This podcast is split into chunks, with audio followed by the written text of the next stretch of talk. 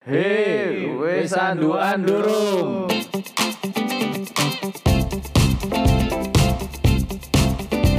Ah, ini hari ini kita kedatangan tamu spesial. Biasanya lah bahas receh-receh. Iki hari ini sekolah finance ya, singkat satu jam.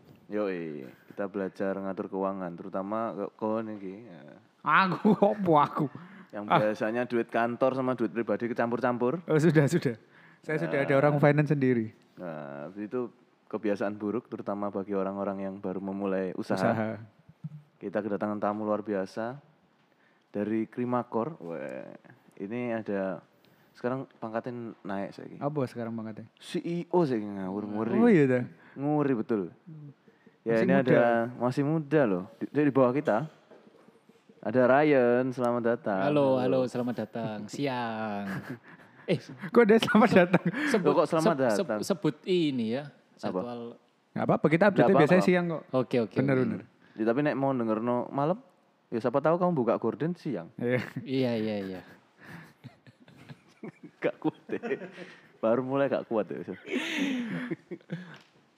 Perkenalan diri ya lah ya. Hmm, Krimakor itu apa? Terus, Boleh, boleh, boleh. terus Oke, perkenalan diri. Eh, perkenalkan Oh, krimakornya apa akunya? Kamu dulu. Oh, akunya dulu. Terus Oke. kamu mewakili perusahaanmu. Ya, perkenalkan nama saya eh, Ryan dari Krimakor. Hmm. Kamu tuh role-nya tuh ap- ngapain sih biasa kerjaan Kalau- apa? Di Krimakor sendiri sekarang ya secara tertulis posisinya ya Chief Executive Officer ya kan. Ngori. Ya hanya jabatan, hanya jabatan. Nah terus kerjaannya kita ngapain sih? Kita sebenarnya concernnya lebih banyak kasih apa ya? Edukasi sama konsultasi ke masyarakat tentang pengelolaan keuangan pribadi, bukan yang corporate, lebih tepatnya yang keuangan pribadi. Kayak Ya, gitu ya. sih. Nah itu kamu eh, di Krimakor udah dari kapan ya? Dari Krimakor. Eh, lulus 17, 17, 17. dari tahun 2017. Iya, iya, iya. 18, 19, 20, iya tiga tahun. Tiga tahun lah ya. Tiga tahun. Nah selama ini kamu kan berarti kan eh, membantu orang-orang untuk mengatur keuangan pribadi mereka. Mm-mm. Itu biasanya prosesnya kayak gimana sih? Atau orang-orang yang datang ke kamu tuh biasanya datang dengan permasalahan apa? Gitu? Ya, oke. Eh, jadi kalau misalnya di negara kita tercinta Indonesia, itu kan sebenarnya marketnya banyak ya. Maksudnya penduduknya bervariatif. Kadang itu permasalahan finansial itu based on usia itu bisa dikategorikan seperti itu. Hmm. Jadi kalau misalnya contoh yang kaum kaum kayak kita angkatan masih dua bulan semua kan? 20-an. Masih 20 ya, oke. 20-an. Kalau masih 20-an tuh biasanya struggle-nya eh kalau udah kerja beberapa tahun tapi nggak kekumpul apa-apa. Hmm. Misalnya udah kerja 4 tahun, kelihatannya income-nya naik terus, tiap tahun naik terus. Cuma nggak pernah bisa ngumpulin apa-apa, duitnya cuma numpang lewat. Nah, iya iya. Itu salah satu permasalahan yang mungkin eh, anak zaman sekarang tuh paling sering alamin ya. Terus yang kedua biasanya orang datang ke kita tuh kadang nggak tanya masalah keuangannya, dia cuma tanya itu sering paling bagus investasi apa. Itu itu Hmm. itu pertanyaan paling sering keluar. Cuma kadang yang kita susah jawabnya adalah misalnya ada orang tanya ya, bos ada investasi apa yang bagus sekarang? Ya gimana caranya kita bisa jawab yang bagus untuk kamu apa kalau misalnya kita nggak tahu juga kondisi keuangan yang tanya itu seperti apa? Karena beda-beda ya. Benar, benar. Jawabannya akan berbeda-beda. Oke. Itu kalau yang 20-an. Mm-mm. Tapi sebenarnya kita tuh bisa start untuk ngatur keuangan kita tuh mulai dari kapan sih? Bagusnya. Bagusnya, Hmm. Oke. Dari SD, be. Heeh. nyolongi duit mama. Terus dimasuk saham. nah, siapa tahu. Iya, iya, iya, iya. Sebenarnya kalau misalnya ngomong itu ya, aku ada satu coach yang cukup bagus. Itu waktu adalah teman terbaik untuk investasi. Oke, waktu adalah teman Ya, terbaik investasi. poinnya itu dulu. Waktu adalah teman terbaik untuk investasi. Tahu nggak sih kalau misalnya investasi itu sifatnya bukan linear. Misalnya kayak satu tambah eh dua tambah dua sama dengan empat kan. Mm, Tapi kalau investasi itu dia bentuknya pangkat. ya. Dua, pangkat dua, pangkat dua, pangkat dua. Dalam arti semakin lama itu dikembangkan, maka nilainya semakin besar. Hmm. Kayak Albert Einstein juga pernah bilang compounding ini adalah keajaiban dunia ke-8. Nah, Oke. jadi kapan kita sebenarnya harus belajar eh kapan sebenarnya kita harus mulai investasi? Ya, sebenarnya jawaban paling tepat adalah sedini mungkin ya, secepat mungkin kita tahu. Bayangin pernah nggak itu ya, kalau misalnya kayak kita lah setiap tahun. Dulu waktu kecil kan nggak ngerti duit, Hmm. ya kan? Tapi tiap tahun kan biasanya selalu ada event yang yang nggak tahu sih ya, beberapa di Indonesia ada yang waktu Lebaran. Hmm. Kalau misalnya di kalangan kita mungkin ada yang waktu tahun baru Imlek, Ya. kan pasti terima duit gede, ya kan? Tapi nggak pakai kan? Iya enggak. Nggak dipakai kan? Ada Sampai yang di- ada yang dipakai dibelanjain langsung. untuk beli mainan, ya kan? Ah. Tapi kan pada dasarnya waktu kecil kita tuh nggak pakai, disimpenin sama oh Orang- apa? Orang tua ya. pasti. Sampai kira-kira ya umur 15-16 lah. Sampai umur 15-16 itu mungkin baru dikasih sama orang tua. Ini loh uang, eh, misalnya kalau mau papaku bilang ya ini loh uang angpaumu. Hmm. Dari yang kecil dulu dikumpulin. Disimpannya di mana? Lemari, Bo. loh, ya ya mentok paling ya cuma di tabungan lah, cuma di tahapan. Nah, tapi akhirnya amountnya nggak berkembang. Ah. Ah, bagaimana kalau misalnya sebenarnya pemahaman orang Indonesia tentang eh, keuangan itu tinggi, investasi itu tinggi. Misal ya, misal aku waktu dari kecil misalnya terima tiap tahun bisa terima 10 juta. Hmm. Nah terus waktu aku umur 15, itu terimanya harusnya kan 10 kali 15, 150 juta. Hmm. Kalau itu diinvestasiin, ya katakanlah kita ambil return lah, deposito lah 6%. Ya udah tinggal ditambahin. Dan dan kan nambah terus kan. Nah, itu kan gulung terus itu. Itu ya kemungkinan bisa-bisa kita terima bukan 150 tapi 180, 200 tergantung tergantung kondisi market. Dalam arti itu udah bisa jadi modal usaha antara misalnya kayak kita selesai kuliah, udah punya pegangan. Nah, tapi selama ini yang terjadi orang-orang ditaruhnya di mana? Kalau nggak di lemari, bawa kasur, mentok ya di tabungan. Ya, akhirnya maunya nggak ke mana-mana. Itu kan sebenarnya sayang. Nah, makanya tadi eh, poinnya adalah waktu adalah teman terbaik untuk investasi. Oke, jadi semakin dini itu eh, apa ya pendidikan tentang investasi itu dikasih sebenarnya makin makin menguntungkan malah. Benar, makin menguntungkan. Jadi misalnya kayak dari kita semua ini ya, eh, kita pasti punya goal lah. Entah itu jangka panjang, eh jangka panjang atau jangka pendek. Yang jelas jangka panjang itu kalau kita startnya cepat, Hmm. nggak susah. Contoh kemarin aku sempat buat ilustrasi. Dengan kita sekarang hidup single, ya kan, eh, kita butuh biaya hidup, nggak ada cicilan ya, cuma buat hidup doang. 10 juta sebulan kan cukup ya. Lebih kalau buat saya mah Ya. terlalu banyak itu. Lebih kan? Maksudnya sehari mau ngabisin 200 ribu aja cuma 6 juta ya kan. Sehari mau 200 ribu ngapain? Nah 30 tahun lagi, asumsi aku umur 25 ya. 30 tahun lagi, eh, umur 55, aku mau pensiun. Nah biaya hidup sekarang 10 juta, kalau kita hitung dengan inflasi 6%, itu itu 30 tahun lagi jadi 3, eh jadi 43 juta. Oke, Oke ya. dengan lifestyle yang sama. Untuk dapat tiap bulan 43 juta, kita harus ngumpulin kalau nggak salah kemarin tuh 8,6 miliar. Gede ya, Hmm. kelihatannya gede. Tapi kalau misalnya kita hitung lagi, 8,6 miliar, kita start invest sekarang, itu tuh bisa cuma saving, maksudnya dengan bisa kita nyimpen 3 juta per bulan doang. 3 juta per bulan bisa dapat 8,6 M. 8,6 M dengan lifestyle 10 juta per bulan. Nantinya jadi 43, bukan 10. Iya, maksudnya sekarang kalau Yang kita punya sekarang, lifestyle iya. 10 juta per bulan. Iya, benar. Nah, padahal kalau misalnya kita hitung ya, eh, tadi aku nyuruh simpen berapa? Tiga. Hmm. Tiga kaliin setahun 12, 36. Hmm. Ya kan, 36 36. kaliin 30 tahun. 108. Ya, kita sebenarnya cuma nyimpen 1, eh sat- satu, satu kurang lebih satu miliar. Hmm. Tapi bisa jadinya 8,6 miliar. Oke. Oke, Iya. selisih 7 miliar dari mana? Ya itu, itu namanya compounding interest. Itu yang mungkin orang-orang nggak tahu. Kalau misalnya kita hitung-hitungannya satu tambah satu terus, ya udah berarti kan kita ngitung 8 miliar dibagi 30 tahun, setiap tahunnya pasti nggak masuk akal untuk kita saving sekarang dengan ya kalau penghasilan normal ya. Hmm. Kalau misalnya jualan narkoba atau mucikari itu ya mungkin mungkin Ya itu bisa ya. mulai mulai serius soalnya kalau ngomongin duit itu susah nggak serius ini tegang semua kelihatannya Ya kan ilmu masuk. Ya toh, biar Udah artinya dipikir. hmm, kita mendengarkannya dipikir Iya, iya. benar-benar. Ya kayak gitu lah. Maksudnya kan kelihatan, wih aku benernya cuma ngumpulin satu miliar tapi bisa jadi 8 miliar ya, 30 tahun. Itu sangat, dalam arti itu aku ngambil tolak ukurnya cuma return 12% per tahun ya. Ya. Dalam arti 12% per tahun kalau kita mau nyari jangkanya 2 tahun susah. Tapi kalau 30 tahun 12% per tahun itu udah anggapannya apalagi di Indonesia itu minim. Bisa lah, pasti Bisa, bisa. bisa, bisa, bisa. Ya, ya, ya, ya. Tadi kan kamu ngo- ngomong kan sudah ada tentang kalau kita punya goalnya apa, pengen apa kayak tadi kan pengen pensiun di umur 50, 55. Sebenarnya eh, sepenting apa sih orang punya ngeset goal, aku kepengen duit ini buat apa? Soalnya kan ada yang ya aku mek- pokoknya pengen nabung aja gitu. Ada.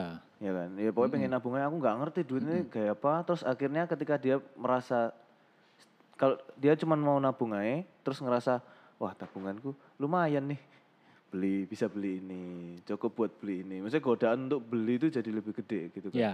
sepenting apa sih kita mesti ngeset goal bahwa ini kita duit ini kita yang ini aku pengen bisa ini ini ini ini Hmm. Pada dasarnya kalau kita udah set goal, terus kita tahu kondisi keuangan kita sekarang, kita tuh jadi bisa ngambil keputusan apa yang harus kita lakukan sama keuangan kita. Contoh, misalnya ada orang nggak ngeset goal ya, orang nggak ngeset goal keuangannya, akhirnya dia itu nggak tahu apakah aku harus nambah income, apakah investasi yang tak pilih instrumennya sudah tepat. Contoh misalnya gini, aku ini ada uang lebih tiap bulan, tapi aku nggak tahu goalku buat apa ya. Jadi kan kuncinya cuma satu, yang penting uang ini nggak nganggur, tak putar. Mm, Oke. Kalau cuma dengan prinsip nggak nganggur tak putar, tak taruh di di, di deposito, deposito 6%, itu nggak nganggur sudah. Mm, Ya kan sudah muter. Cuma pertanyaannya, kalau misalnya dia nggak tahu buat apa, tiba-tiba itu nantinya buat pensiun. Ya udah kita hitung aja. Maksudnya nggak mungkin cukup, nggak mungkin cukup dengan return 6% untuk pensiun itu nggak cukup. mm. Apalagi untuk jangka panjang. Nah, sepenting apa kita tahu goal. Dengan kita tahu goalnya, kita spesifik seperti apa, kita jadi tahu apa ya keputusan finansial yang harus diambil. Apakah aku harus nambah income? Apakah aku harus mengalokasikan investasiku ini ke mana? Apakah harus tak taruh saham atau di surat utang? Nah, otomatis instrumen yang dipilih berbeda berdasarkan tujuan. Nah, kalau tujuannya nggak jelas, akhirnya gimana? Oh ya, ada contoh itu udah paling dekat. Eh, kita nggak usah ngomongin dana pensiun jauh-jauh. Hmm. Kita bilang rencana lima tahunan aja. Kemarin ada orang rencananya, aku ada uang lebih, return yang paling tinggi apa? Ya aku bilang saham dong, pasti. Ya. Masuk ke saham, tapi dengan kondisi dia nggak tahu tujuan investasinya itu apa. Hmm. Terus baru satu setengah tahun Hmm. ditarik. Oke, karena butuh. Eh, bukan antara butuh atau lagi kepengen beli sesuatu. Waktu itu nggak cerita jelas. Nah, waktu itu ditarik kondisi market itu lagi drop. Kurang lebih baru 20% waktu itu. Berarti dia rugi. Rugi. Nah, itu salah satu efeknya. Karena dia nggak jelas ngesetnya apa. Tiba-tiba udah salah instrumen. Nah, Kalau misalnya memang udah tahu kamu mau pakai, bakalan pakai dalam jangka waktu 1 sampai 2 tahun, udah pasti stock market, ah, pasar saham itu bukan pilihannya. hmm. Ya udah kamu taruh aja reksadana pasar uang atau kamu taruh aja di obligasi negara, ya ya ya. berkembang tapi sesuai dengan tujuan. Nah, akhirnya kalau nggak sesuai tujuannya nggak tahu goalnya itu apa, niatnya investasi tapi jadinya malah rugi. Oke, jadi emang mesti di set berarti ya goalnya. Tapi kan berarti kan maksudnya eh tiap orang kan berarti kan punya set finance-nya beda-beda. Tapi ada nggak kayak basic kayak misalnya orang secara finance itu basic yang orang harus atur misalnya. Oke. Kayak misalnya berapa persen buat saving, berapa persen buat biaya hidup kayak Hmm. gitu-gitu. Hmm. Eh, kalau yang persentase ya, berapa persen saving, berapa persen biaya hidup dan sebagainya, itu tuh sebenarnya budgeting. Budgeting itu muncul dari mana sih? Dari kita seandainya kita udah tahu nih kondisi keuangan kita. Kan permasalahan anak sekarang itu sering bocor. Hmm. Ya kan? Contoh nih, aku dapat income 10 juta. Pengeluaranku sebenarnya cuma 6 juta. Hmm. Aku ada lebih 4 juta. Tiba-tiba di akhir bulan, secara pencatatan harusnya ada 4 juta. Di akhir bulan ngecek rekening, nggak ada 4 jutanya. Hilang. Nah, itu kenapa dilakukan budgeting? Supaya apa? Ketika uang 10 juta masuk, nah itu langsung 10 juta dipecah. Aku 4 juta harus saving kan, langsung aku bisa rekening. 6 juta apa untuk bayar asuransi, untuk biaya hidup. Nah, itu untuk budgeting itu sebenarnya untuk menjaga supaya tidak terjadi kebocoran itu. Iya. Nah. Moro-moro tukar jadi boba. Ya, itu itu salah satu kebocoran yang paling sering terjadi, boba sama kopi. Mm-mm. Iya. Mending lek jadi sepatu terus sepatunya iso dijual mana ya? Tapi lek Ya. dari boba tidak bisa. Tidak bisa.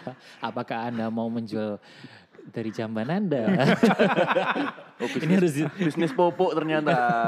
Oh iya iya iya. Sorry, saya kurang kreatif. Nah, ternyata bisnis popok Bisnis siapa popok. tahu. Benar benar benar. tapi, tapi ada kayak sakleknya gak? Maksudnya kayak saving tuh harusnya berapa persen, cicilan berapa persen? Soalnya kan, ya kemarin kan sempat ada kasus tuh. Kayak yang di internet itu kan gara-gara corona, eh, orang itu gaji 20 juta, tapi ternyata cicilannya dia itu lebih dari 50 persen. Terus Iya. begitu dipotong gaji tinggal separuh cicilannya sama biaya hidupnya gak nyucut. Benar, benar. Jadi sebenarnya kalau masalah yang rasio itu berapa persen biaya hidup dan sebagainya itu eh, setiap orang kan berbeda. Contoh ya, ada orang yang hidupnya hemat, otomatis dia bisa menjaga biaya hidup itu cuma 30 persen. Saya nggak sampai. Loh hebat hebat, makanya anda kaya kan, kelihatan kan kenapa anda kaya. Pelit ternyata ya. Nah, terus tapi ada kalau kita bilang eh, teori umum, teori umumnya adalah biaya hidup itu kalau bisa dijaga maksimal di angka 50%. Hmm. Maksimal di angka 50%. Untuk cicilan itu maksimal di angka 30%. Nah, tapi cicil ini lihat-lihat loh. Kalau misalnya cicilannya contoh, cicil untuk beli laptop. Boleh atau enggak? Aku, Ya, aku sih enggak. Menurutku nggak apa-apa asal itu jadi anu ya aset, maksudnya jadi duit muter lagi ya. Kalau misal kal- kalau misal laptop ini eh, menjadi penunjang, kalau kamu nggak ada laptop ini nggak bisa Yes. duit, Mm-mm. itu baru worth it untuk kamu. Iya, Benar. misalnya kayak ataupun investasi. misalnya sepatu pun ya misal menurutku. Eh, Misalnya sepatu yang misalnya ternyata memang menunjang pekerjaan ini deh. Eh, misalnya dia jadi model atau sepatu itu punya nilai investasi. Mm-mm. Kayak kemarin Chen terus pun beli ini dua setengah ternyata Mm-mm. sekarang jadi 10 juta. Ya menurutku make sense sih. Benar. Cuma kan kakean kita kan generasi kita kan tidak berpikir itu, jadi nggak muter. Ya, jadi kesimpulannya di sini 30% itu sebenarnya boleh nggak eh, dipakai untuk nyicil? Boleh. Tapi sebenarnya cicilan itu yang bentuknya produktif. Biasanya cicilan yang bentuknya produktif tuh antara membeli aset, antara beli aset, biasanya ya kalau umur-umurnya kita tuh mulai beli mobil atau rumah, sama yang kalau yang maunya lebih kecil itu biasanya kan belinya gadget, sepatu dan sebagainya. Ya. Cuma balik lagi tadi kayak kata Adit bener, eh itu dipakainya bisa menghasilkan lagi atau enggak? Kalau misalnya enggak, contoh kerjaanku, ya aku misalnya financial consultant, Ya. nggak perlu lah sampai pakai boba yang 25 juta, nggak ngefek kan? Kecuali aku influencer ya kan. Hmm. Nah itu kan akhirnya, nah itu sebenarnya aku masuknya ke biaya hidup, bukan masuk ke cicilan produktif. Ah, Oke. Ya kayak gitu. Jadi kalau cicilan yang 30% tadi itu diasumsikan itu untuk mencicil antara aset atau untuk menambah produktivitas. Kuncinya di sana sih. Sebenarnya kalau kita pakai kredit 30%, contoh ya, eh, nyicil laptop apalagi bunga 0% untuk kerja, ya itu Hmm. malah peluang emas. Tapi kalau untuk konsumtif kan sebenarnya dengan kita mencicil tetap keluar uang, nggak nggak nggak. Ya. Mereka nggak kasih kita balik apa pun. Nah, kalau misalnya rasio dasarnya itu sih eh, maksimal biaya hidup 50%, maksimal cicilan 30%. Produktif, cicilan produktif. Cuma memang kondisi tiap orang kan beda. Biasanya yang bagus, apalagi kalau kita masih muda ya. Balik ke tadi, investasi teman terbaik untuk eh waktu adalah teman terbaik untuk investasi, Investasi. ya kan? Kalau kita semakin muda, belum ada tanggungan, jos no investasi wis. Maksudnya mumpung nggak punya tanggungan, karena nanti misalnya udah mulai merit dan sebagainya, biaya hidup itu semakin tinggi, resiko semakin tinggi. Kita untuk investasi, apalagi ngambil yang high risk, itu juga semakin terbatas. Sayang, jadi sebenarnya semakin muda itu menurutku peluang emas untuk benar-benar start invest tanpa harus, eh, maksudnya resikonya nggak besar, lah, resiko kehidupannya nggak besar. Iya iya iya iya iya. Hmm, hmm. Soalnya kalau udah nikah tiba-tiba nggak planning punya anak, eh jadi. Eh iya, eh, eh jadi. Eh jadi butuh duit, ya toh. Iya. Kecuali lek nggak menikah terus tiba-tiba punya anak. Aduh. Aduh. tapi tapi maksudnya apakah itu relevan ya? Maksudnya kan like, pandemi ini tuh rasio-rasio itu apa masih bisa dipakai kan maksudnya ya sebagian masih gajinya 50% terus Nah. atau sekarang meskipun udah balik 100% kan tetap ada ancam ancaman-ancaman kayak gitu kan. Maksudnya resesi lah, terus ada flu-flu lain lah. Kemarin dengar flu babi lah, flu apa gitu-gitu.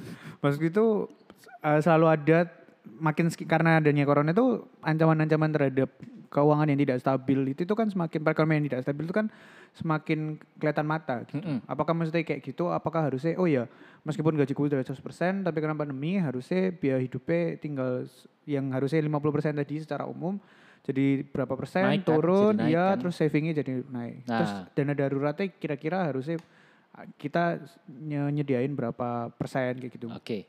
jadi kan kita pakai contoh kasus ya biar nggak hmm. terlalu pusing yes. uh, si A gajinya si A gajinya 20 juta ya hmm.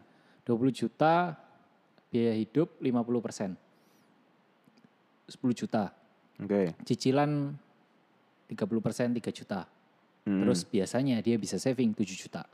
Asumsikan seperti itu. Tiba-tiba pandemi, gaji dipotong 50% sisa 10 juta.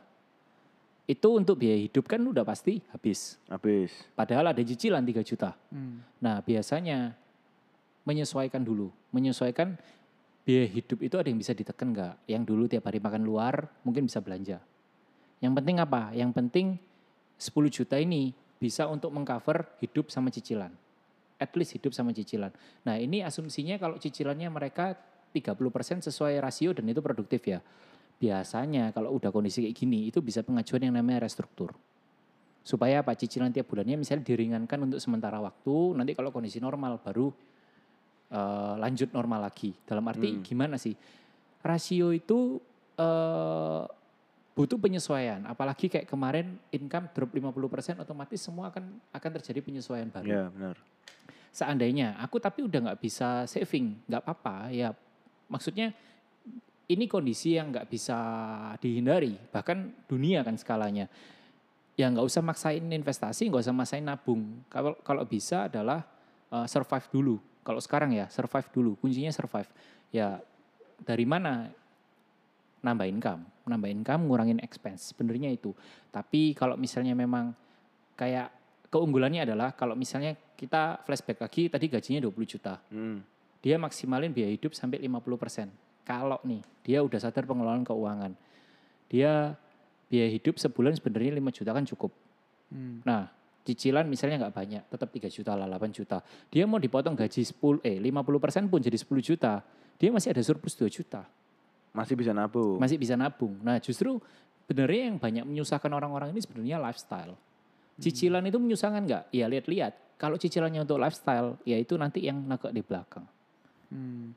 Ya kan? Nah yeah. sebenarnya kuncinya itu di ini sih uh, kesadaran dulu kalau kondisi keuangan itu mereka tahu ini aku kondisi sehat atau udah warning. Kalau udah warning ya ya udah jangan nambah cicilan dan sebagainya. Oke. Okay. Kalau di kondisi pandemik itu sih. Apa apa tuh ukurnya warning dengan sehat itu apa? Hmm, Benernya tolak ukurnya banyak. Tapi kalau misalnya yang aku bilang itu gini dulu.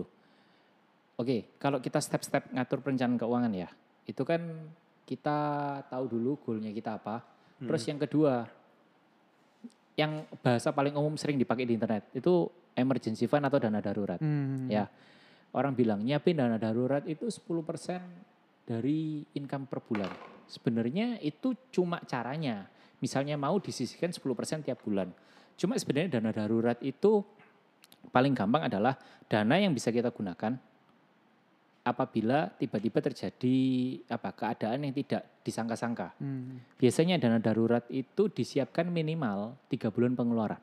Hmm. hmm. Itu ya, untuk itu yang single. Ya. Benar, untuk yang single. Hmm. Kalau misalnya nanti udah mulai-mulai merit, biasanya enam bulan. Punya anak 12 bulan. Nah itu semakin lama juga uh, dibutuhkan semakin besar. Tapi kita bilang di sini tiga bulan minimal. Contoh misalnya, contoh misalnya expense 5 juta. Berarti kan sebenarnya dia cuma butuh menyiapkan dana darurat itu 15 juta. 15. Dalam arti ketika terjadi kayak pandemi kayak gini, mereka masih bisa bertahan tanpa bekerja tiga bulan. Hmm. Tapi bayangkan kalau misalnya expense-nya 10 juta, berarti kan dia harus menyiapkan 30 juta. Hmm. Ya udah, berarti semakin lama dia nggak bisa berinvestasi. Nah, banyak orang-orang itu uh, ketika gajinya naik, misalnya dari 5 juta ke 10 juta ya. Harusnya kan dulu misalnya bisa saving satu juta, Hmm. tiba-tiba gaji naik jadi 10 juta, harusnya kalau dia mempertahankan gaya hidup, savingnya bisa jadi 6 6 juta. juta. Tapi orang-orang di sini enggak, misalnya dari 5 juta naik 10 juta, savingnya tetap 1 juta. Malah Biaya hidupnya yang naik. biaya hidupnya yang naik. Malah kadang yang kasus sering terjadi adalah gaji 5 juta bisa saving 1 juta, gaji 10 juta savingnya 500, gaji 20 juta malah minus. Itu kan berarti misalnya ya benar toh, misalnya eh soalnya pas pandemi aku kerasa sih. Untungnya pas pandemi aku aku dana darurat tiga bulan. Mm-mm. Jadi benar-benar kerasa no dana darurat itu sangat penting di situ sih kemarin soalnya. Soalnya Iya. kan ya soalnya aku tuh soalnya sering ikut apa sih eh workshop finance gitu loh. Mm-mm. Be- Siapa sih sing berjilbab stand up comedy ku Eh, pemain film bola aku lali.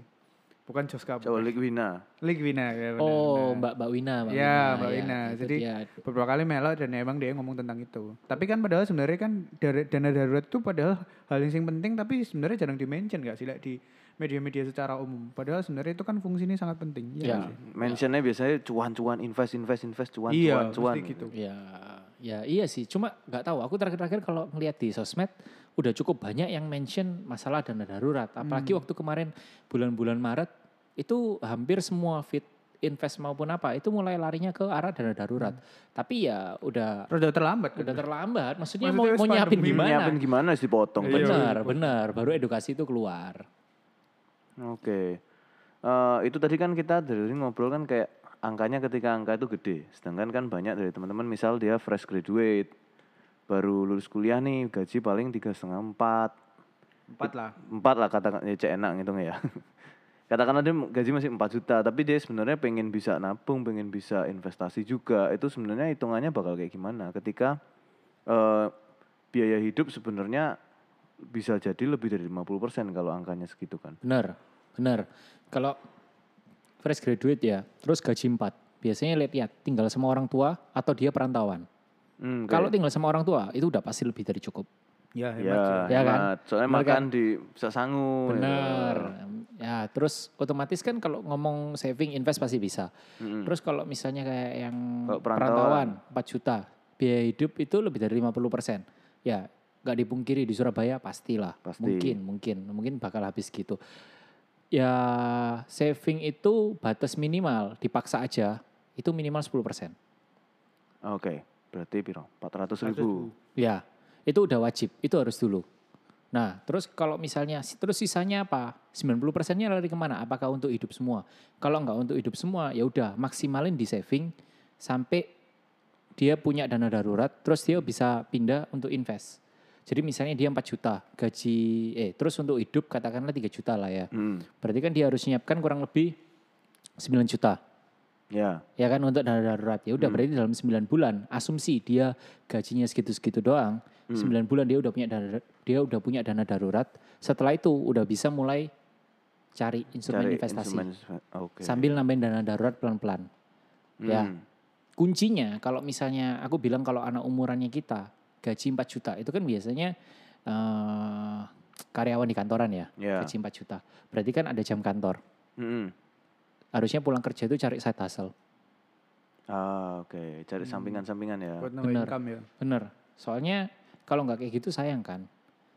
Sebenarnya Apalagi kalau masih single juga. iya, cari aja tanggungan. Maksudnya sekarang peluang apalagi dengan adanya internet itu kan banyak banget.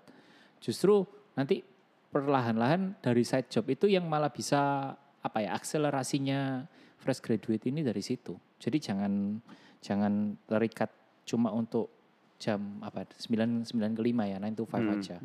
Kayak gitu sih. Tapi tapi ini yang kayak orang-orang tadi tadi mikir dana darurat dan tabungan itu dua hal yang berbeda ya. Nah, dana darurat itu sebenarnya tabungan. Jadi gini, kalau misalnya kita di finance, kita orang-orang yang paham investasi, kita tuh paling nggak suka kalau uang disuruh nganggur, Hmm. nggak berkembang kan. Tapi dana darurat itu sifatnya harus Nganggur. nganggur, harus liquid. Dalam arti kalau misalnya dana darurat itu cuma boleh ditempatin ya. Kalau nggak bentuknya cash, eh, cash itu dalam arti tabungan di Di bank. bank atau maksimal deposito lah. Deposito itu maksimal. Tapi sebenarnya deposito itu pun boleh kalau misalnya contoh kita tiga bulan dana darurat sudah punya, terus habis gitu selebihnya dana darurat untuk bulan 4, 5, 6 daripada nganggur. Ditaruh deposito. taruh deposito. Toh kan deposito itu mau ditarik sewaktu-waktu masih bisa cuma bunganya yang tidak terhitung gitu kan. Nah itu masih boleh. Tapi kalau beneran cuma punyanya tiga bulan, ya sebisa mungkin taruhnya di tabungan. Jadi kalau kita bilang dana darurat itu sebenarnya tabungan bukan, itu tabungan. Hmm. Sebenarnya ditaruhnya di tabungan. Nah, Oke. Jadi emang terpisah sama yang orang kadang kan orang aku pengen nabung supaya bisa pergi jalan-jalan atau apa tabungan tabungan yang nganggur aja. Oh. Kadang kan ada orang yang Iya iya. Soalnya kan biasanya generasi kita kan nang nangkepnya beda tuh. Nabung untuk dipakai.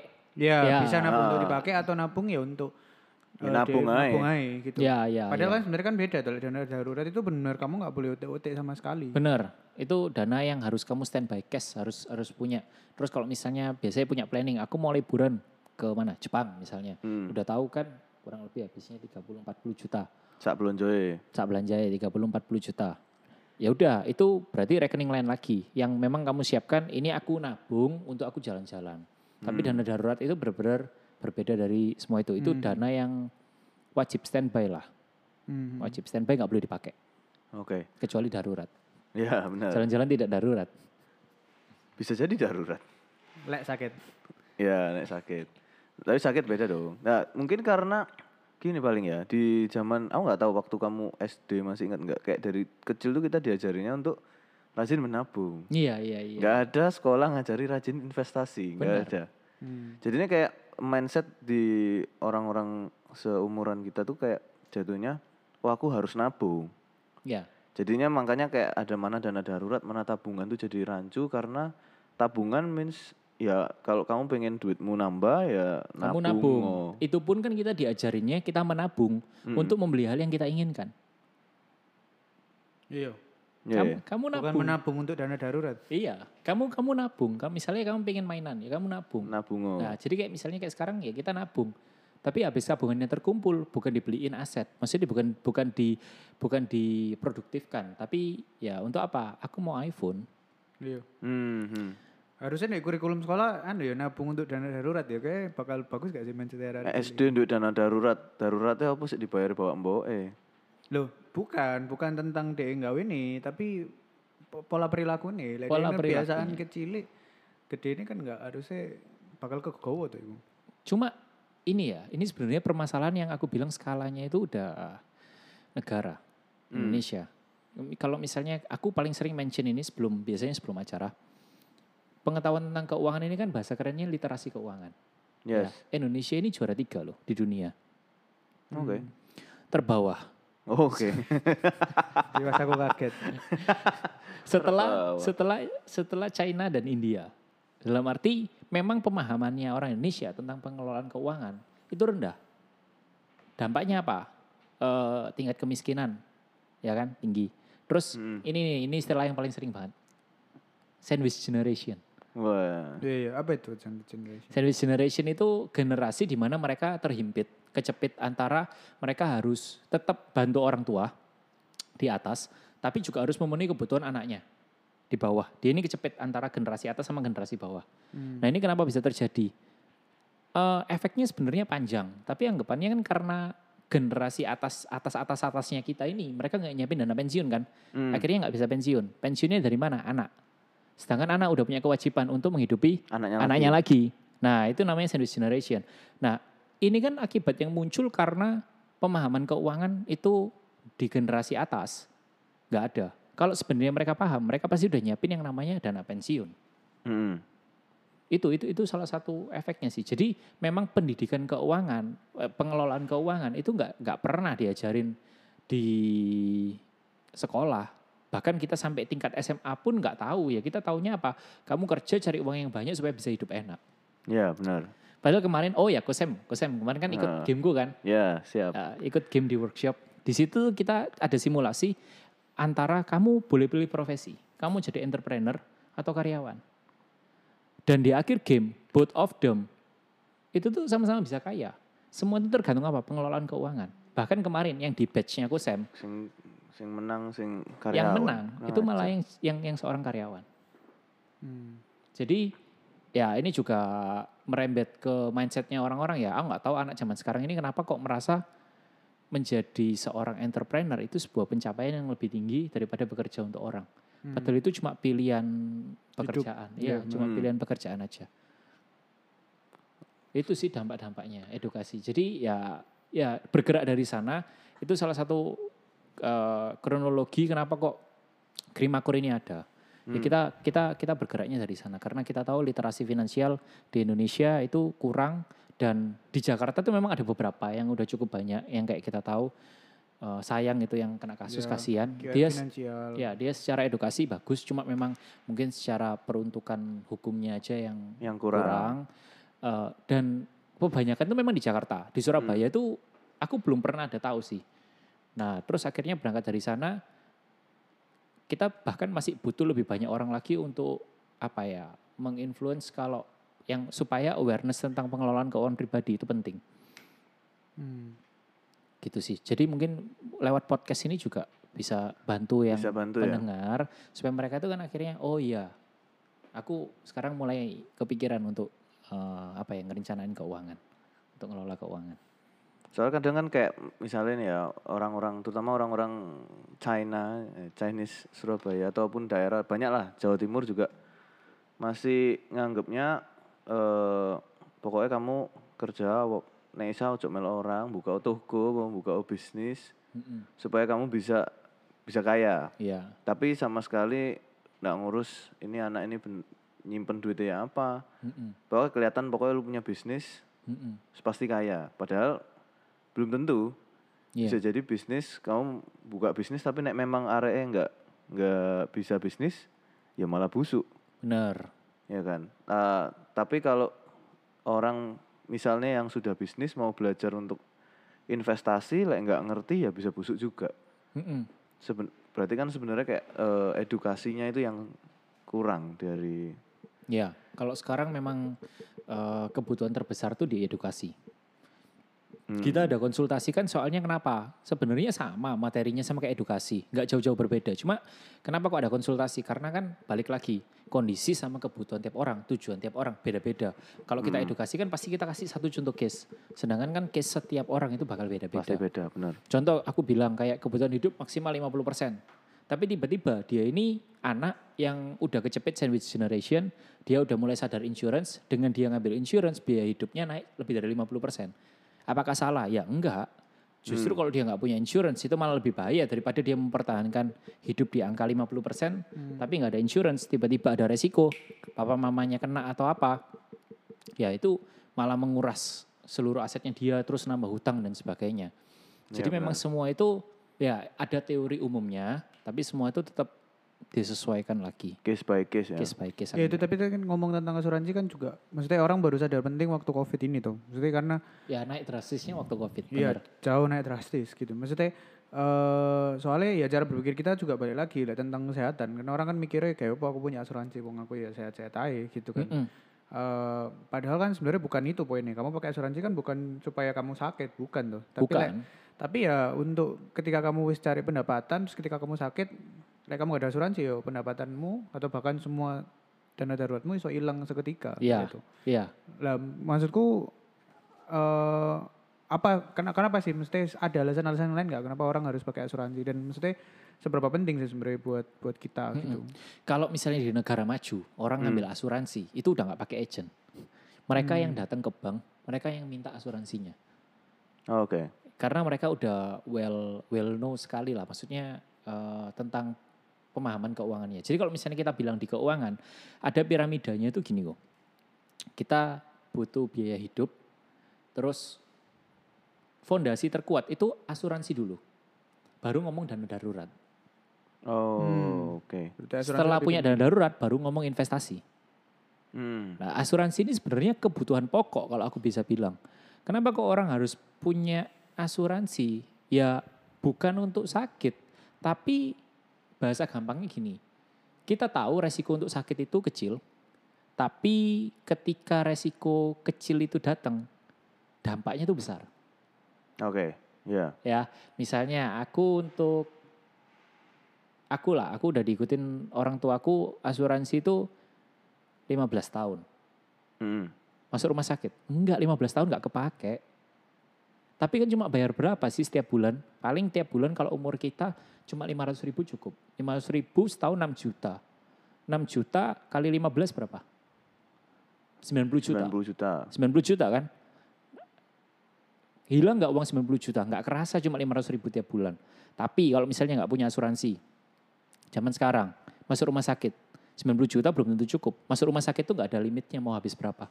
Terga- ya, tergantung sakitmu. Iya. Apalagi Nah, like covid. aduh. bener. Ya kita 15 tahun ngirit 90 juta. Katakanlah 90 juta sekarang tak celengi. Terus iolsan, sekarang masuk kena covid, habis 300 juta. Minus kan, 300 kurang 90 berapa? 210, minus 210 juta. Mending apa ya? Mending bayar asuransi. Itu setelah aku tahu 15 tahun nggak sakit. Nah kalau misalnya kemarin-kemarin sempat pakai, kalau kemarin-kemarin sempat pakai misalnya di tahun kedua, tahun ketiga udah DB, sakit. Iya, dan sebagainya. Tipes. DB tipes itu enggak enggak habis kan sekitar belasan juta kan. Padahal baru Hmm. asuransi paling baru bayar 3 juta atau berapa. Mungkin. Apakah itu bisa disebut untung? Ya enggak juga. Ya Jadi kadang, sakit ya kadang orang-orang tuh suka bilang gini, aku ini rugi bayar asuransi. Wis 15 tahun bayar gak tahu sakit loh. Apa berarti dengan kamu sakit kamu jadi untung? Iya benar. Hmm. Enggak, asuransi itu kalau misalnya kita bilang itu apa? Manajemen resiko. Itu memang biaya yang mau nggak mau harus kamu keluar. Hmm. Biaya yang memang mau nggak mau harus kamu keluarkan untuk eh, meminimalkan resiko kerugian. Iya, iya, iya. Ya. Tapi kalau buat umuran kita 20-an itu harusnya asuransi sing wajib kesehatan kan nih. Kalau jiwa kayaknya nggak urgent ya. Atau Kesehatan, gimana? kesehatan, kesehatan paling paling urgent kesehatan. Kalau jiwa itu sebenarnya disesuaikan pola pikirnya gini.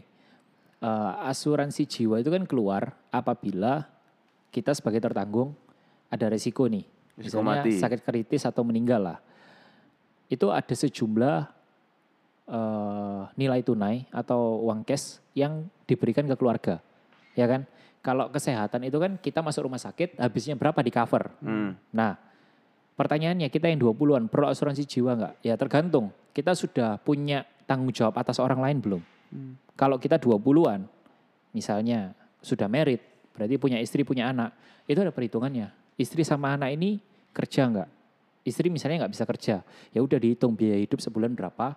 Seandainya terjadi resiko sama kita, istri sama anak ini bisa hidup. Dari mana? Dari uang pertanggungan yang cair kalau misalnya kita meninggal. Hmm. Itu. Jadi memang pola pikirnya kayak gitu. Perlu nggak asuransi jiwa? Ya tergantung kita punya tanggungan apa. Kita punya tanggungan nggak? Misalnya kayak sekarang belum punya istri anak tapi udah nanggung orang tua. Berarti wajib punya asuransi jiwa nggak? Wajib kita sebagai apa ya eh, pencari nafkah Hmm. di keluarga. Tulang punggung ya. Benar. Hmm. Apalagi kalau kerjaannya risiko matinya tinggi. Iya. heeh. Menek-menek gedung. Mm-mm. Sing ngelapi koco gedung tinggi dari luar eh, gampang jatuh. Iya. Perlu asuransi jiwa deh. Itu itu kalau bahasa asuransi. Ya, Iya, iya, luas iya. kan, ngomong finance itu luas. Luas. Jadi asuransi ada investasi, nabung dana darurat. Atau eh, ini tiap orang tuh kan beda-beda. Mm-mm. Kadang tiap orang punya profilnya masing-masing. Kayak ada yang berani high risk banget, pokoknya kuabe cemplung-cemplung no. Ada yang takut-takut Iya. cari atau yang mau di tengah-tengah, pokoknya aman dulu gitu kan. Itu emang sebenarnya apakah misalnya ya aku nggak nggak berani ambil risiko, itu apakah harus dipus supaya berani atau ya wes semua pokoknya ngikutin aja orangnya memang kayak gimana? Enggak. Jadi investasi itu kan pilihan. Hmm. Dalam arti kan eh, misalnya kalau misalnya orangnya memang konservatif. Konservatif itu nggak terlalu agresif, nggak nggak nggak terlalu berani lah. Aku mending yang aman-aman aja deposito. Hmm. Boleh nggak? Boleh. Investasi itu percuma return tinggi kalau kita nggak ada ketenangan.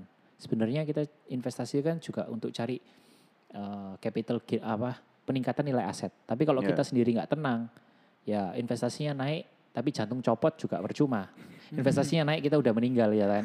Jadi sebenarnya eh, investasi itu cuma perhitungan bagaimana sih kita mencapai goalnya kita. Misalnya nih Kosem, Hmm. aku punya cita-cita pensiun, tapi aku nggak berani main saham.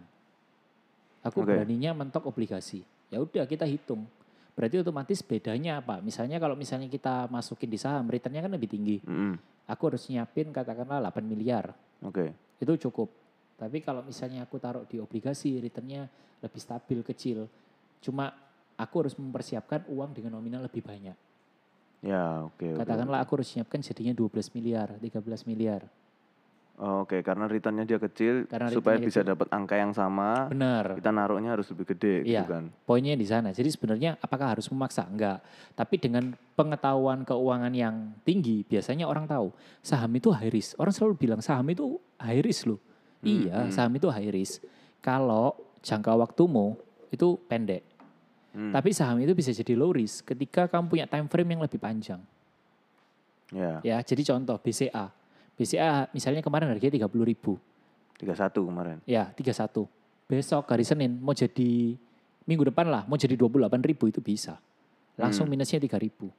Tapi kalau misalnya time frame-nya panjang, mereka punya time frame 5 sampai 10 tahun. BCA 5 tahun lalu 10 ribu. Ya, BCA 5 tahun lalu 10 ribu, sekarang 30 ribu. High risk nggak naruh di BCA? Enggak, itu nggak high risk. Kita udah tahu kok perusahaannya settle, manajemennya bagus, keuangannya tiap tahun untung. Ya udah, masukin aja ke BCA. Jadi high risk enggak, enggak jadi high risk, itu jadi low risk. Karena kita punya time frame panjang. Nah, Ah, oke. jadi anggapannya kan misalnya kayak Kusem, aku konservatif. Boleh nggak naruh saham? Ya kalau mau naruhnya untuk 30 tahun lagi di saham, ya itu udah termasuk konservatif. hmm, hmm, ya, ya. Kalau- Menurutku, itu uh, personal opinionku. Ya, ya, ya. Terus kalau misalnya reksadana itu yang kayak gimana? Maksudnya kan apakah better di reksa aja atau masuk no saham dewe aja? Oke, pada dasarnya konsep berpikirnya investasi di Indonesia itu cuma ada dua. Kalau nggak surat utang, saham. Mm. Udah pasti dua ini. Nah, reksadana itu apa? Reksadana itu eh, lembaga yang bantu kita mengatur portfolio investasi kita. Jadi misal nih, aku mau masuk saham, tapi aku nggak ngerti nih baca laporan keuangan, saham mana yang bagus, saham mana yang jelek, aku nggak ngerti. Nah itu tak serahkan ke satu lembaga, udah aku mau investasi di saham, sahamnya apa? Pilih no, aturan. Itu jadi Hmm. namanya reksadana. Oh, Jadi itu oke. bukan, jadi investasi itu pada dasarnya cuma dua. Kalau nggak saham, ya obligasi, Hmm, hmm. surat utang, udah dua itu. Cuma yang mana kan obligasi banyak, saham banyak, yang mana yang bagus, yang mana yang jelek, ya kita tunjuk satu manajer investasi untuk pilihkan kita komposisi produknya. Tinggal tugas kita apa? Nyari manajer investasi yang pengelolaannya bagus. Kalau misal nih ya di eh, usia yang sekarang nih, kita Berapa? Berapa? 25. Oh, aku masih 25, iya, iya. Masih 25. Masih 25. Iya yo, kan C 25 yo. Masih 25 rek, udah kontu eh. Nanti kayak setahun ya. Nah, terus kita mau ngeplan. Misal kayak tadi kan eh un- income kan belum tentu rata, ya kan? Iya. Pasti income-nya kan ya harusnya naik lah ya, nggak boleh turun dong. Nah, itu kita misalnya mau nge ngeplan 55 tahun tadi pensiun. Lima- 55 tahun pensiun. eh terus kita kan udah ngeset duit di awal. Mm-mm, Dengan bertambahnya income, mm-mm. duit nganggurnya kan jadi lebih banyak Bener. Ya kan terus itu berarti apakah kita misal goalnya sebenarnya sudah terpenuhi aja Mm-mm. tapi ada duit nganggur nih itu kan mancing orang biasanya untuk lebih konsumtif toh Iya, bener. itu apakah ada sebaiknya diapakno duit nganggurnya diputer tapi Oh. diputer kan sudah nggak ada goal lagi toh Suka-suka ini aku, suka. Jadi gini, sebenarnya kalau misalnya ada duit lebih, kan pengen naikin lifestyle kan?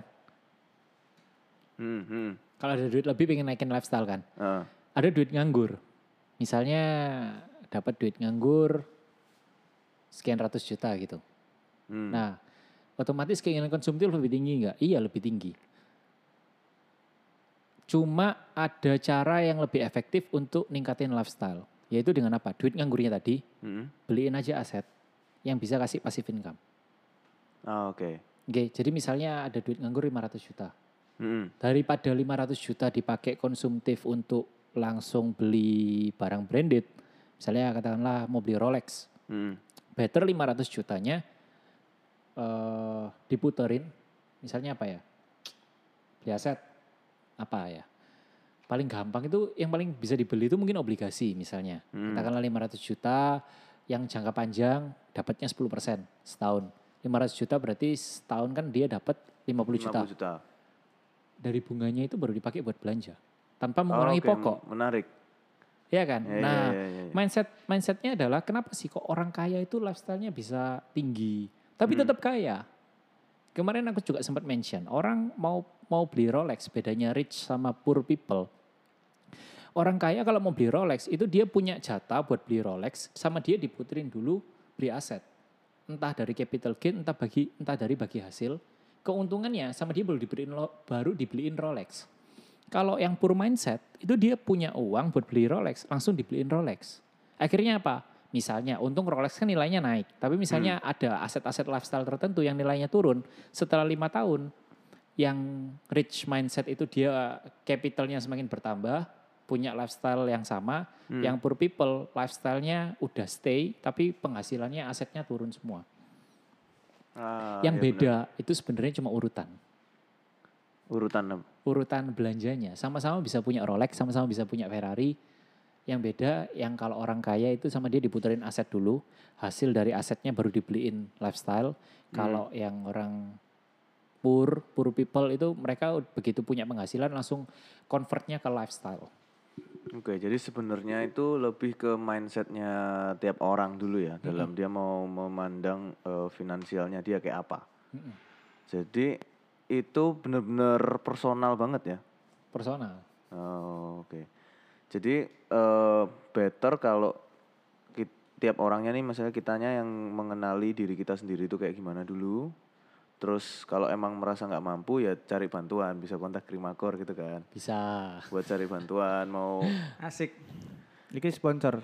Nah, mau belajar. Terus kalau kalian pengen belajar financial planning kalian, misalnya atur-atur duit ya atau nggak ngerti biasanya banyak yang nggak ngerti mau ngapain itu mau ada event ya Oh, oh ada event. Tanggal tanggal 12, tanggal 12, 12 hari Sabtu itu. Nah, aku itu kayak yang aku ikut kemarin ya. Benar. Jadi Tapi lebih detail. Lebih detail ya. Nah, lebih detail lagi. Kemarin tuh sudah sempat ikut belajar eh dapat ilmunya juga, dapat simulasinya juga. Jadi sekalian latihan kalau kondisinya kayak gini gimana, kamu kerjanya apa, income-nya apa, ada gamenya gitu, ada board gamenya, asik lah. Board game ya finance ngono. Heeh. Oh. Aku sesetim sama CA loh. Saya gak tetap paling suge loh. Ayo kurang apa ini? Secara langsung masuk pertama jadi bisnismen. Hmm. Kokut kurang ajar. Kena covid bisnisku dikokuti kabeh. Gak ono duit. Terus kurang mainnya kopi anda aduh. Aku sing ngopi gak cuan nol gak ono income gak boleh. Jadi sebenarnya kalau yang di workshopnya kita itu tuh kan uh, itu terdiri dari tiga modul. Yang pertama kita belajar pengelolaan keuangan pribadi. Ya kita ngatur lah, kita tahu kondisi kita, kita tahu goal kita yang kayak tadi kita bahas hmm. panjang. Hmm. Terus modul dua itu pengenalan produk investasi. Orang-orang kan di Indonesia ini uh, kadang investasi itu yang mungkin paling sering digaungkan itu pasti ya saham, saham. reksadana gitu-gitu. Sebenarnya opsinya lain itu ada dan setiap investasi punya plus minus. Itu harus tahu dulu plus minusnya apa. Terus yang ketiga, baru mereka itu bisa nyusun portfolio. Hmm. Kira-kira karakterku itu cocoknya investasi cocoknya apa? Investasi apa? Benar. Diarahkannya ke mana?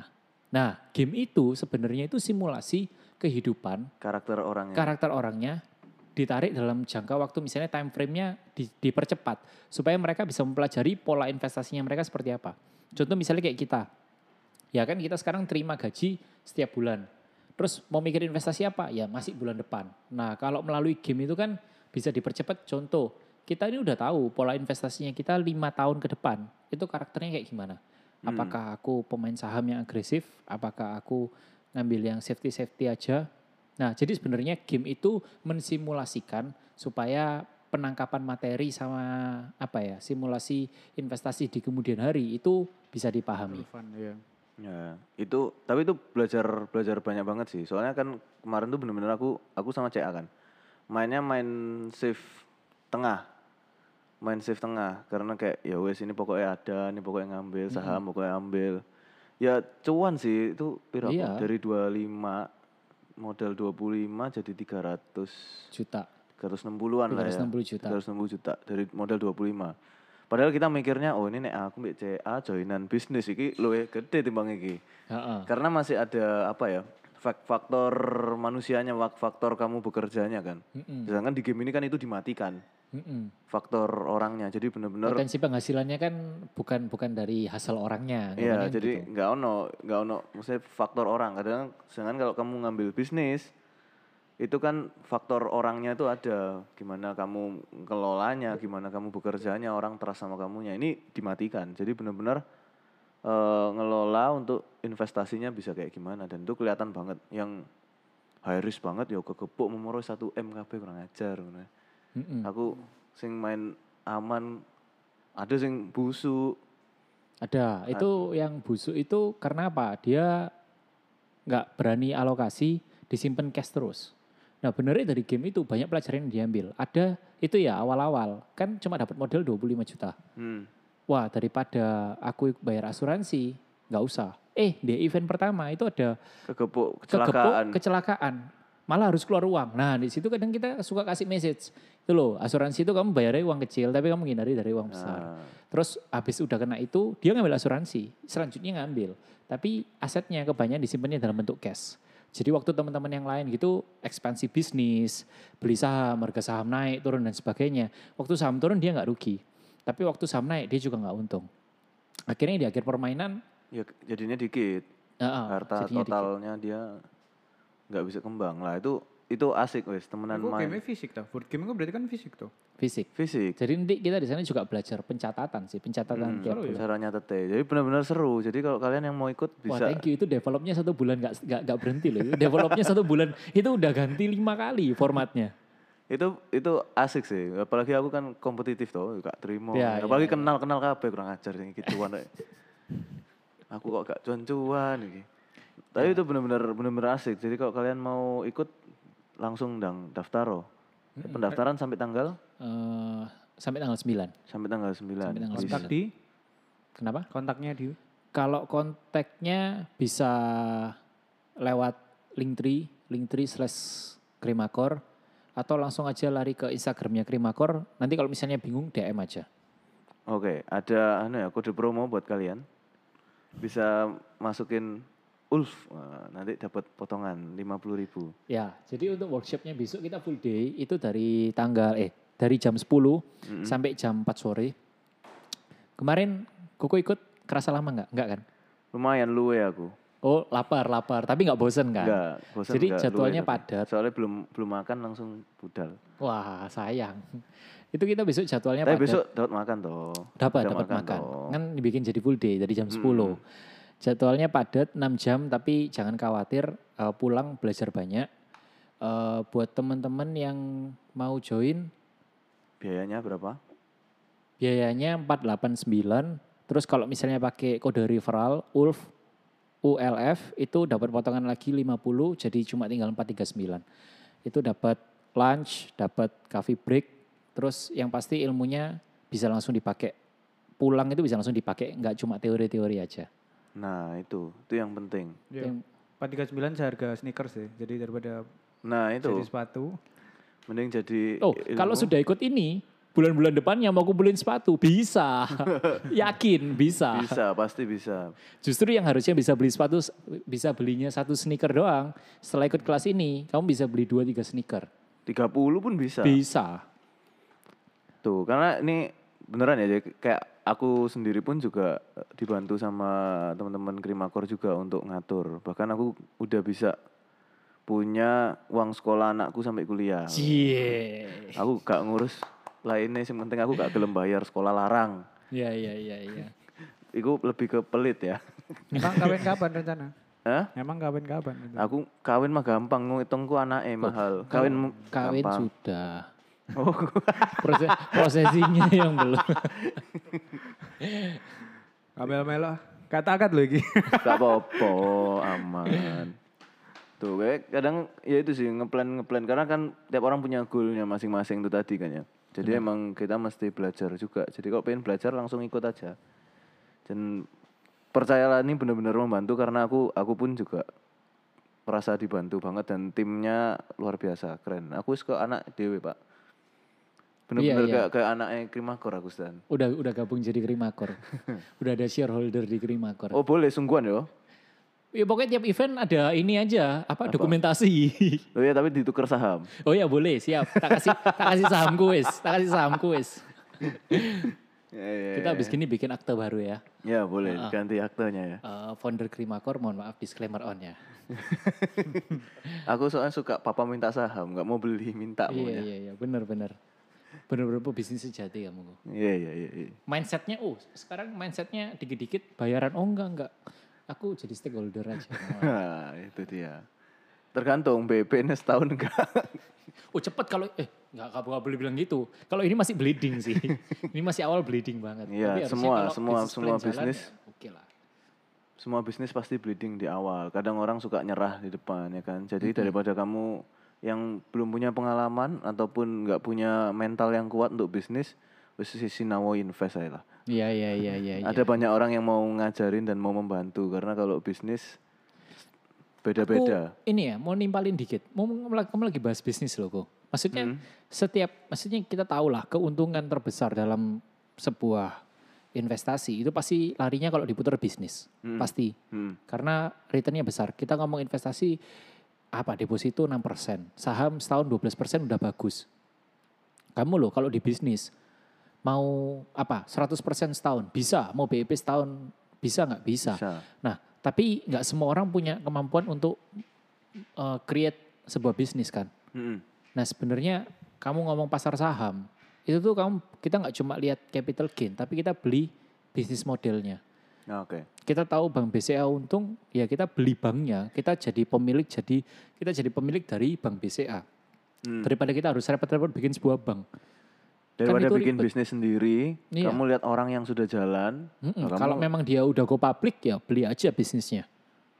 Ya ya ya. daripada benar, harus bikin sendiri ya kita harus tahu lah self awareness dirinya kita sendiri plus minusnya di mana tapi kalau misalnya aku pribadi aku suruh create bisnis mungkin bukan yang talentku bukan di sana ya jadi mending aku beli bisnis yang Hmm. memang secara manajemen sudah jalan aku tinggal punya ya itu Jauh sih lebih efisien. jauh lebih efisien itu lebih kayak smart move-nya daripada aku keluar nominal yang sama tapi hasilnya tidak menentu dan lebih banyak ruginya Ya benar Iya benar kan? benar benar. sebenarnya kayak gitu sih pola pikirnya Ya hari ini kita belajar banyak banget lah ya.